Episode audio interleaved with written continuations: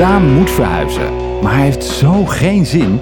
En hij moet ook nog eens samen met zijn vader elke dag een klusje doen. Tijdens het werk krijgt Daan Bijbelverhalen te horen. En die eeuwenoude verhalen hebben hem meer te vertellen dan Daan ooit had gedacht. Luister mee naar Eerst Dit voor Kids.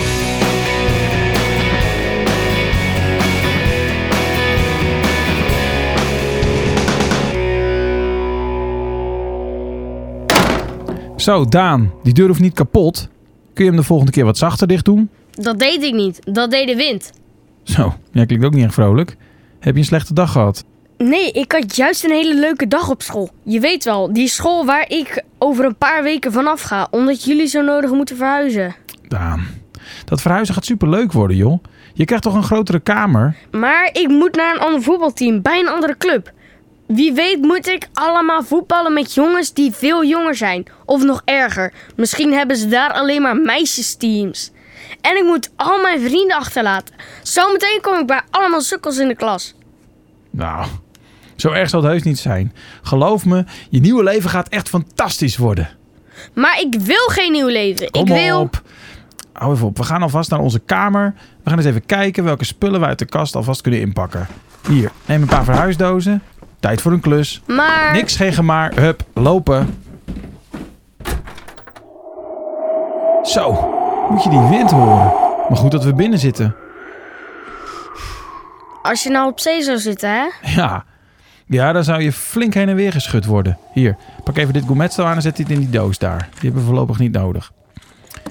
Weet je nog dat Jezus op de berg veel wijze dingen vertelde? Bijvoorbeeld eh, over dat je je geen zorgen moest maken. Nou, die berg lag aan een meer. En die avond stapt Jezus in een schip om naar de andere kant van het meer te varen.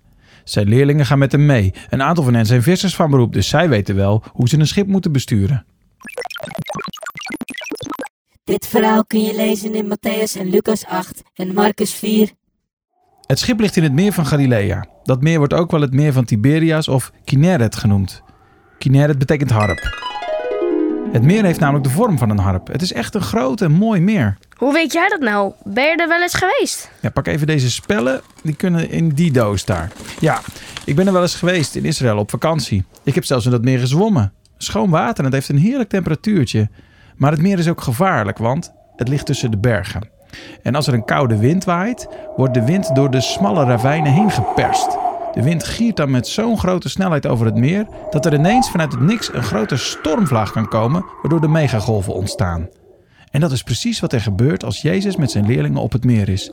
Want plotseling begint het enorm te waaien. Het schip wordt heen en weer geslingerd als een luciferdoosje. Keer op keer slaan de woeste golven over de reling heen.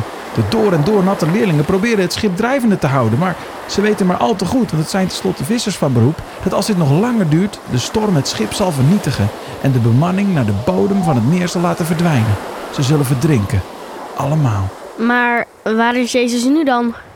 Die slaapt, rustig, met zijn hoofd op een kussen achter in het schip. Slaapt. Serieus? Slaapt hij dwars door een wervelstorm heen? Ja, de leerlingen zijn wanhopig. Ze maken Jezus wakker en roepen: Meester, maakt het u dan helemaal niks uit dat wij verdrinken? En dan wordt Jezus wakker. Hij zegt bestraffend tegen de wind en de zee: Zwijg, wees stil. En direct is het helemaal, helemaal stil. Zelfs de golven maken hun beweging niet af, stoppen meteen. Het lijkt wel alsof Jezus als een baas tegen zijn blaffende hond praat, die gelijk gehoorzaamt. Echt bizar dat Jezus helemaal heen en weer werd geschud door de golven. En dat hij toch gewoon doorslaapt. Ja, hij was een en al rust en maakte zich echt geen zorgen. Hij vraagt ook aan zijn leerlingen: waarom zijn jullie zo bang? Waar is jullie geloof? Het lijkt wel alsof vertrouwen en angst iets met elkaar te maken hebben. Hoe meer geloof en vertrouwen je hebt, hoe minder angstig je bent. Nadat de storm is gaan liggen, kijken de leerlingen elkaar aan en fluisteren: Wie is hij toch? Dat zelfs de wind en het water hem gehoorzamen. En niet lang daarna bereiken ze de overkant van het meer. En halen ze met z'n allen voor de schrik een milkshake met een plastic rietje. Ha, een milkshake. Lekker hoor. Net nadat je zelf door de storm helemaal door elkaar bent geshaked. Weet je, Daan, in je leven. In je leven. Pap, je klinkt net als een oude opa. Oké, je hebt gelijk. Maar toch, in je leven zullen er altijd rustige momenten zijn. Dus dat het helemaal windstil is, lekker zwemweer. Maar er zullen ook stormen zijn. Sommige zie je aankomen. Zoals een verhuizing. En sommige komen opeens. Net als de storm op het meer. Dan stormt het zo hard dat je alle kanten op wordt geslingerd in gedachten. En soms ben je zelf echt in levensgevaar. Op zo'n moment kun je best wel eens hetzelfde idee hebben als de leerlingen van Jezus in het schip. Dat je je afvraagt: God, slaapt u? Kan het u helemaal niet schelen dat ik het moeilijk heb? Waar blijft u nou? U zou toch voor mij zorgen? Ik vind het echt super logisch dat de vrienden van Jezus dat vroegen. En misschien leerden de leerlingen die dag wel dat als je gelooft dat God bij je aan boord is, je niet bang hoeft te zijn, zelfs als het stormt. Zelfs als jij denkt dat God slaapt en gelooft dat hij niet doorheeft dat je kopje ondergaat, dan zorgt hij toch voor je. Hier, als jij nou even dit Sinterklaas inkpakpapier in die doos zet daar, dan zijn we klaar voor deze dag. Dit verhaal is natuurlijk nog lang niet afgelopen, maar inmiddels zijn er wel genoeg dozen gevuld vandaag. Deze klus is klaar. Gelukkig is er morgen weer een. Nou, zeker gelukkig.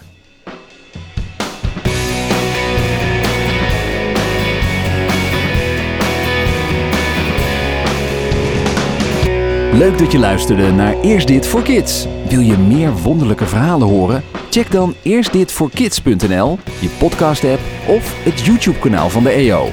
Eerst Dit voor Kids wordt gemaakt door de Evangelische Omroep, IZB en NPO ZEP. Tot morgen!